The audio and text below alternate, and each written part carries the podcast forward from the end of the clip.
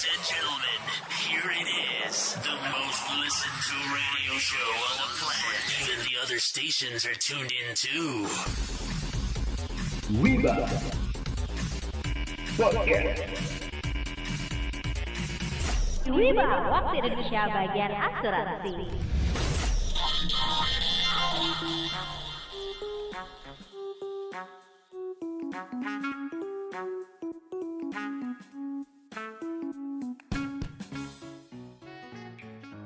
Hai hai hai, halo Wiber.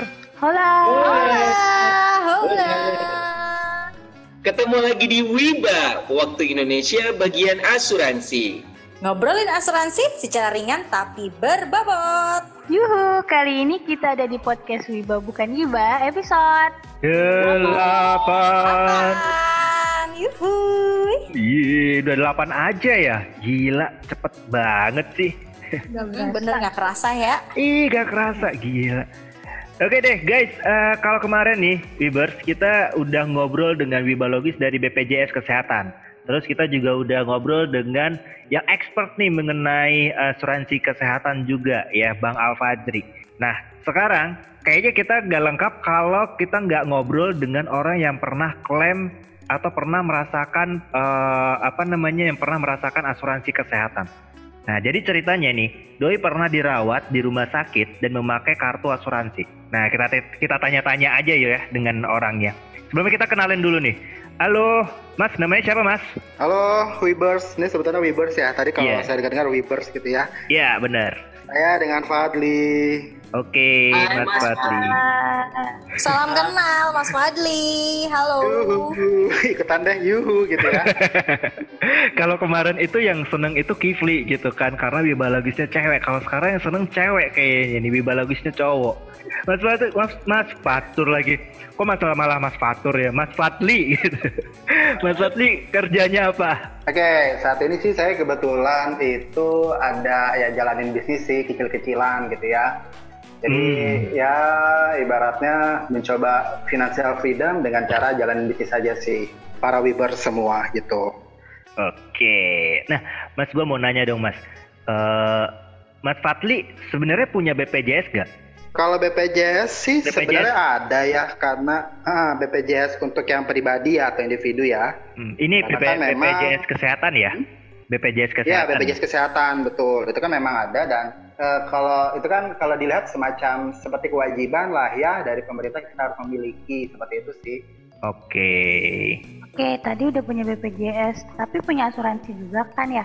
Kenapa beli asuransi lagi? Kan udah ada Kalau untuk BPJS. asuransi ya memang betul. Jadi intinya sih sebenarnya kalau ibaratnya kayak kita makan nasi uduk kalau nggak ada bawang goreng kan nggak enak lah gitu lah ya. Nah, jadi paling enggak udah punya BPJS, terus kemudian tuh dari pemerintah disarankan atau dihimbau gitu ya, tetap saya mempunyai asuransi swasta yang lain. Mungkin saya nggak bisa sebutkan namanya lah ya gitu. Nah itu sih kalau buat saya jadi lebih lebih apa ya, lebih nyaman aja sih jalanan jalanin hidupnya gitu kan. Karena artinya yang kewajiban kita sudah punya dan pelengkapnya juga sudah punya sih seperti itu. Oh gitu ya, Mas Fadli ya. Jadi eh, tetap harus punya asuransi tambahan ya, Mas Fadli ya. Betul, karena balik lagi ya, yang namanya kita sakit aja itu kan nggak pernah tahu kejadiannya mau di mana dan kapan pun.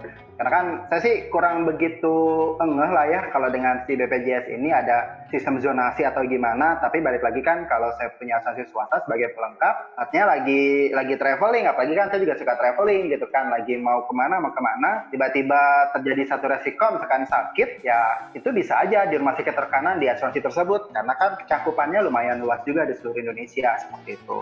Oh oke oke oke.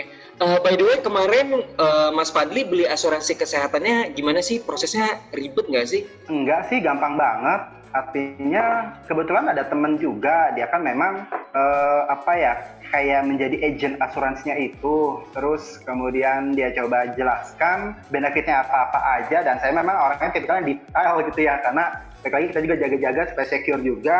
Terus kemudian ada pengisian uh, kayak semacam form pengisian permohonannya gitu, ada kayak kuesioner kesehatan, terus nggak lama kemudian sekitar semingguan sih jadi sih ada dapat kartunya juga dan juga sama polisnya gitu. Oh oke, okay. terus bisa langsung digunain nggak sih kayak gitu? Uh, kayaknya untuk yang digunakan itu kalau kondisinya kecelakaan deh, karena saya juga sempat baca-baca artikel gitu ya di asuransi uh, tentang asuransi di beberapa website gitu di internet. Ada ada kayak semacam masa tunggu ya untuk kondisi-kondisi penyakit gitu. Jadi kalau yang langsung itu kayaknya untuk yang kecelakaan, tapi tapi sebenarnya sih ketika kita pada saat pengisiannya juga kita memang dalam keadaan kondisi sehat, itu sih nggak pernah ada masalah ya. Artinya um, bisa tetap digunakan aja dengan catatan melewati masa tunggu gitu kalau nggak salah itu namanya seperti itu. Oh oke. Okay. Terus kemarin uh, sempat pilih-pilih kayak preminya berapa gitu? Ada pilihannya juga nggak sih? Betul, memang ada pilihannya juga.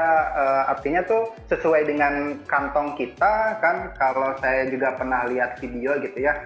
Kalau nggak salah itu buat kita per dana buat asuransi sekitar 10% deh ya dari income kita yang kita terima setiap bulannya. Terus dilihat juga manfaatnya apa-apa aja. Memang kalau dilihat manfaatnya itu lumayan besar juga di asuransi kesehatan swasta itu. Dan kalau dilihat sama premi pasti lebih jauh, jauh lebih besar sih manfaat ketimbang preminya.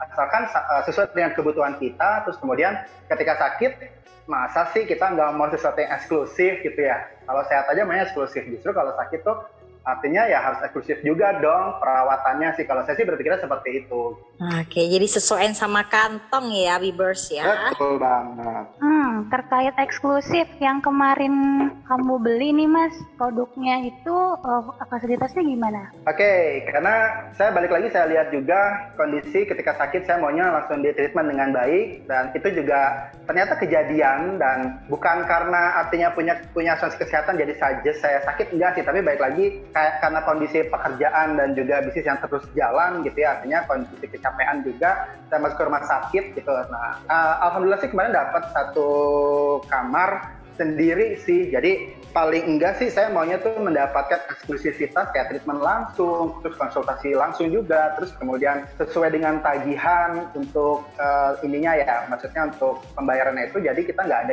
nggak ada batasan limit, tapi sesuai dengan tagihan. Supaya kalau kenapa-kenapa itu ya bisa langsung di treatment aja sih, gitu. Semuanya tuh udah tuh kayak obat-obatan lah, terus um, biaya dokter lah, terus kemudian ada ronsen karena sempat di ronsen juga, ada fisioterapi juga, semua juga di cover semua. Jadi memang kayaknya sih buat saya itu udah lengkap banget sih gitu. Hmm, jadi memang yang ini ya, yang apa namanya, yang bikin merasa nyaman ya. Jadi tahu beres aja ya. Betul banget, karena kan kalau sakit kita maunya juga nyaman. Terus kalau ada keluarga oh. datang juga kan nggak mau keganggu sama yang sebelah sebelah sih sebenarnya seperti itu.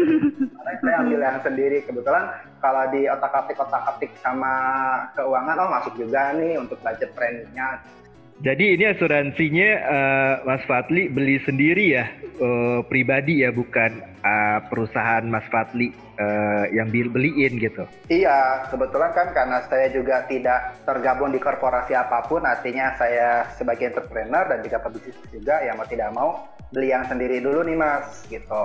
Oh, mungkin nextnya kalau doakan saja gitu ya kalau nextnya mungkin bisnis saya jadi membesar bisa menjadi sebuah korporasi yang legal kita bisa beli korporasi. Tapi paling nggak sekarang sih buat cocok banget sih asuransi individu itu buat yang masih kuliah ataupun masih sebagai freelance freelance seperti itu buat sebagai ini aja lah.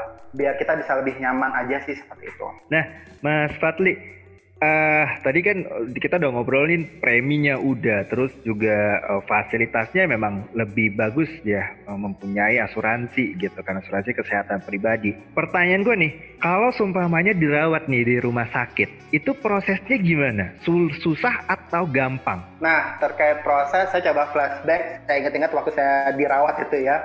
Jadi memang pada saat itu uh, perjalanan dari luar kota, kok tiba-tiba merasa ada sedikit apa yang ngegerges badan gitu ya terus kemudian demam dan akhirnya minta tolong sama saudara dijemput di stasiun. Terus kemudian masuk langsung ke UGD dari UGD gitu kita sih ini ya kayak ditanya ditanyakan keluhannya apa ke, keluhannya apa aja sih. Terus kemudian saya jawab sih apa sejujurnya gitu ya keluhan-keluhan keluhan-keluhan yang saya rasakan. Terus kemudian kebetulan balik lagi ya kalau kita punya asuransi kesehatan baiknya sih infokan kepada keluarga kita punya asuransi kesehatan. Jadi karena gini ketika masuk ke rumah sakit dan ke UGD nggak mungkin kita ngurusin sendiri semuanya dalam kondisi yang lemah, kondisi yang sakit, apalagi dalam kondisi kritis seperti itu. Kami Iya. amit ya jangan sampai terjadi. Jadi kita tetap harus infokan ke keluarga, saya punya asuransi kesehatan, adanya di dompet gitu. Nanti kalau ada apa-apa, ambil aja dompetnya, kartunya kayak gini gitu ya. Jadi saya memang selalu edukasi ke keluarga seperti itu. Jadi ketika saya sakit pasti butuh bantuan keluarga untuk dibawa ke rumah sakit. Nah pada saat di UGD tinggal diambil dompet, terus kemudian serahkan aja kartu sama KTP, serahkan ke bagian kayak kayak macam bagian pendaftarannya gitu sih. Nah, Registrasinya ya, bagian registrasi ya. Ya, kayak registrasi gitu, betul. Jadi dan UGD itu kan 24 jam dan mereka juga kan melayani 24 jam. Makanya sebenarnya sih saya juga melihat oh ternyata kenapa UGD 24 jam dan kita butuh asuransi karena memang sakit itu bisa terjadi kapan pun. Artinya intinya sih seperti itu ya dan itu memang betul banget kata-kata seperti itu. Nah, terus kemudian ketika sudah diras dikasih treatment kayak kasih obat, ditanyakan ditanyakan gejalanya apa aja, segala macam. Terus tiba-tiba tuh ada kayak sus, dokternya deh, dokternya ngambil darah, terus kemudian dites di situ di laboratorium situ lah ya. Nah kemudian nggak lama setelah sekitaran setengah jam sampai satu jam deh kalau nggak salah, karena itu kondisinya malam juga. Si dokter konfirmasi ke saya, e, Mas, ini harus dirawat inap. Oh gitu ya dok, kondisinya memang kayaknya nggak memungkinkan untuk rawat jalan. Jadi harus karena harus dirawat inap dan sudah melewati yang tadi saya bilang di awal itu eh, kayak ada yang namanya tuh kita nggak boleh sakit dulu deh kalau di asuransi itu ya asuransi kesehatan ada yang namanya masa tunggu itu. Nah, terus kemudian ketika sudah dirawat inap dan ditanya sama keluarganya siapa gitu kan itu udah ada di depan gitu. Terus kemudian diambilin kayak semacam formulir persetujuan rawat inap kamar kelasnya sesuai dengan kartu asuransi atau plan asuransi yang saya punya. Ketika sudah seperti itu sudah tanda tangan. Gak lama kemudian pasang infus cari ruangan cuma sekitaran satu setengah jam ya di UGD udah masuk sih di ruangan perawatan. Dan artinya sudah bisa langsung istirahat sih dan buat saya itu proses yang simpel banget dan saya nggak perlu telepon sana sini cukup kasih aja kartu sama KTP-nya di bagian registrasi itu sih sebenarnya prosesnya. Emang emang nggak ribet ya ternyata ya. Bener-bener. Ya nggak ribet kok. gue dulu juga pernah tuh kayak gitu penyakit tipes. Jadi bawa ke rumah sakit, driver taksinya gue kasih dompet. "Eh, Bapak tolong nanti anterin eh, saya ke UGD ya. Nanti tolong kasih dompet ini ke perawatnya gitu aja udah. Dan untungnya betul betul. Heeh. untungnya cepet semuanya gitu. Iya, jadi artinya ya kita harus kasih tahu sih keluarga lah ya kalau kita punya asuransi kesehatan. Jadi ketika terjadi hal itu dia bisa bantu sih. Karena kalau kita sendiri kan kayaknya nggak mungkin sampai diri-diri di registrasi nggak mungkin seperti itu sih. Iya udah sakit, terus masih harus mikirin ini itu gitu ya. Untung untung nih tadi udah punya kartu sakti itu ya, jadi udah bisa sekalian Betul. dibantuin sama sama keluarga juga. Iya, Gimana, Kipli? ribet-ribet juga sih gitu. Iya benar. Gimana tadi Kipli? Apa ini?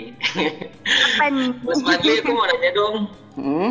Eh, kan tadi diceritain ya, tadi udah pernah menikmati fasilitas asuransinya tadi ya di rumah Ya sakit ya. menikmati. Semoga sih kita nggak menikmati semua. Em, itu eh, waktu di rumah sakit ada yang harus dibayar nggak sih? Kalau misalnya udah punya asuransi, bisa diceritain Oke, nggak? untuk oke untuk di rumah sakit yang dibayar ada atau enggak? Waktu itu sih saya sama sekali nggak bayar apa pun ya. Jadi pada saat di awal masuk pun eh, nggak ada yang namanya tuh kalau nggak salah kan kalau kita dirawat inap gitu ya ada yang namanya down payment atau uang buka biasanya 10 kali dari biaya rawat inapnya itu. Tapi ini enggak sih karena kan sudah langsung dijaminkan sama si perusahaan asuransi tersebut gitu. Terus kemudian Eh, dan yang lebih kooperatifnya adalah ketika pada saat perawatan di rumah sakitnya itu akan ada informasi nih eh, Mas Kifli ini di cover ini enggak. Dan alhamdulillah sih semua perawatan yang saya kemarin jalani itu semuanya sudah di cover sama si asuransi tersebut. Artinya benar-benar saya nol nggak ada tambahan apa pun. Seperti itu. Paling ya saya beli cuma kayak buat ini aja ya kayak tisu lah. Ya itu tambahan lah ya itu kan nggak mungkin juga di cover sih seperti itu. Em, berarti eh, asuransi kesehatan punya Mas Fadli ini sistemnya cashless ya? Iya, cashless Mas Kifli. Jadi artinya itu saya nggak harus ngeluarin uang uang dulu gitu ya. Itu sudah dengan kartu, udah gitu. Si kartunya ini tuh uniknya adalah mungkin kalau tempat lain tuh menggunakan sistem kayak semacam kita yang gesek gitu ya. Nah si asuransi ini tuh dia nggak pakai kita itu, jadi tinggal di show card aja, gitu. tinggal ditunjukin aja kartunya dan itu ada di rumah sakit rumah sakit rekanan si perusahaan asuransi di mana pun di seluruh Indonesia tuh ada semua dengan eh, layanan untuk 24 jam call centernya seperti itu sih. Oh, Oke, jadi gampang banget ternyata prosesnya nggak ribet-ribet gitu ya Bibers. Oke, jadi menurut Mas Fadli nih penting nggak sih ngelengkapin dengan asuransi kesehatan selain punya Penting BPJS banget. ya? penting banget Mbak Tias karena ya saya pribadi orang yang simple, jujurnya nggak mau ribet gitu ya, nggak mau yang dengan apa ya uh, ke sini dulu, ke sini dulu, ke sini dulu nggak mau seperti itu karena buat saya itu kita sudah dikasih nikmat sehat aja tuh sudah luar biasa dari Tuhan. Ketika sakit, artinya kita harus benar-benar mencukuri banget nikmat sehatnya tersebut. Terus kemudian ketika sakit pun saya maunya dilayani secara full service gitu ya. Dan karena saya juga mau sembuh gitu, saya juga mau sehat lagi sih. Dan kemudian terkait dengan kalau saya boleh nyebutin angka, boleh gak sih nyebutin angkanya? Jadi supaya mungkin teman-teman Wibers bisa jadi gambaran. Ternyata dirawat saya tuh kemarin di, dirawat sekitaran lim, uh, berapa ya tiga hari empat malam kalau nggak salah itu ya. Karena saya masihnya memang malam. Itu aja udah udah ngabisin duit sekitaran 15 jutaan. Artinya itu lumayan wah besar banget. Kalau kita mungkin nginep di hotel sudah buat berapa hari gitu kan. Tapi ini nginepnya di rumah sakit. Nah, itu makanya penting banget yang namanya asuransi kesehatan sih. Oh, mahal juga ya ternyata. Iya, karena ya itu dia lah kita nggak nggak mau kejadian lah ngeluarin duit segitu besarnya gitu ya, cuma dalam waktu untuk empat harian, tiga harian aja gitu, gitu sih. Hmm, tapi untung ya udah punya kartu sakti, jadi segala fasilitas udah aman. Kita pun kalau misalkan sakit, jadi nggak usah mikirin yang aneh-aneh, nggak usah mikirin yang macam-macam lagi lah ya. Apalagi untuk mikirin biaya rumah sakit, intinya kayak gitu. Betul. Nah, uh, Mas Fadli, Uh, ada saran gak nih buat Webers yang masih bimbang nih di luar sana untuk memilih uh, apa namanya asuransi kesehatan atau membeli asuransi kesehatan? Oke, okay, untuk Weber, sarannya adalah yang masih bimbang, yang pertama, jangan kebanyakan bimbang, karena sakit itu kita nggak pernah tahu kapan kejadiannya, kayak saya pribadi itu nggak tahu dan nggak pernah diprediksi kapan sakitnya itu, uh, dan bagusnya sih sudah ada asuransi yang mengcover. Terus kemudian ketika teman-teman Webers ini ini mau sudah kepikiran oh saya akhirnya mau membeli asuransi kesehatan. Coba dilihat siapa sih agen asuransinya itu terpercaya atau tidak. Kalau bisa sih yang terpercaya karena kemarin itu saya juga sebenarnya dibantu juga nih sama si agen asuransinya. Kira-kira rumah sakit mana yang dekat dengan wilayah saya dan artinya tuh dia masih bisa dikontak. After sales service-nya keren banget. E, ibaratnya tuh jangan sampai nanti ketika sakit malah si agennya itu ya nggak tahu ke mana sih. Intinya sih seperti itu. Yang ketiga adalah bicara mengenai premi pasti ada kos yang harus dikeluarkan.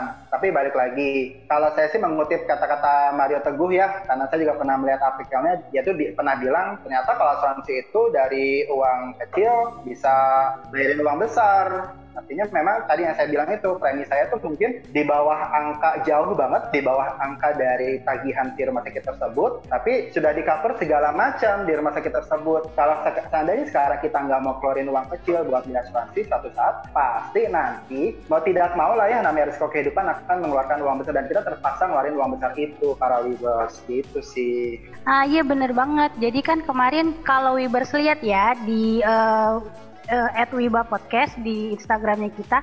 Jadi itu kemarin ada update dari uh, eh, BPJS Kesehatan kalau aturan kelas rawat inap itu nanti per akhir Juni mau diganti. Jadi memang disarankan untuk uh, apa namanya melengkapi dengan asuransi kesehatan karena di dalam uh, artikel itu ditulis bahwa uh, nanti uh, tidak akan ada kelas, uh, maksudnya tidak akan ada perbedaan kelas, hanya akan ada uh, apa namanya standar kelas standar yang dimiliki oleh uh, para peserta BPJS Kesehatan. Jadi selisihnya uh, untuk pembayarannya itu bisa mengikuti asuransi kesehatan tambahan atau membayar uh, sendiri selisihnya. Ini uh, pendapat dari Bapak Ahmad Husni, Ketua Dewan Jaminan Sosial Nasional. Seperti itu, Wibers. Jadi infonya banyak banget nih hari ini nih. Udah ada dari Mas Fatli juga mengenai pernah dirawat di rumah sakit dan memakai asuransi kesehatan. Terus juga yeah. tadi uh, Giska juga bilang kalau BPJS mempunyai aturan baru lagi nantinya di bulan Juli katanya seperti itu.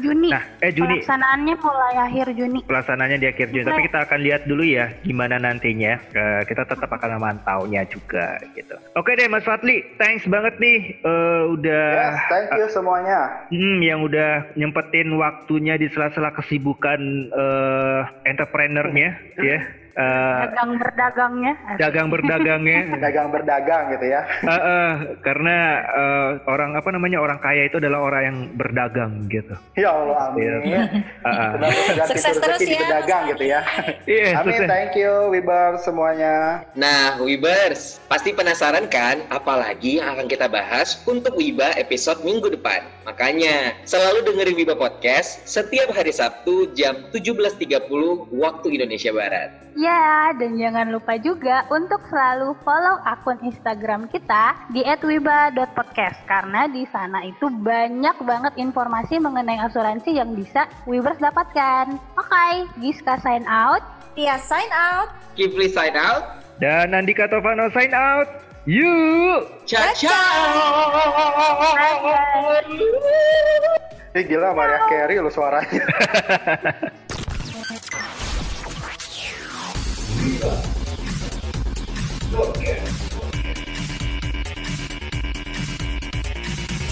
Thank you for listening to our podcast.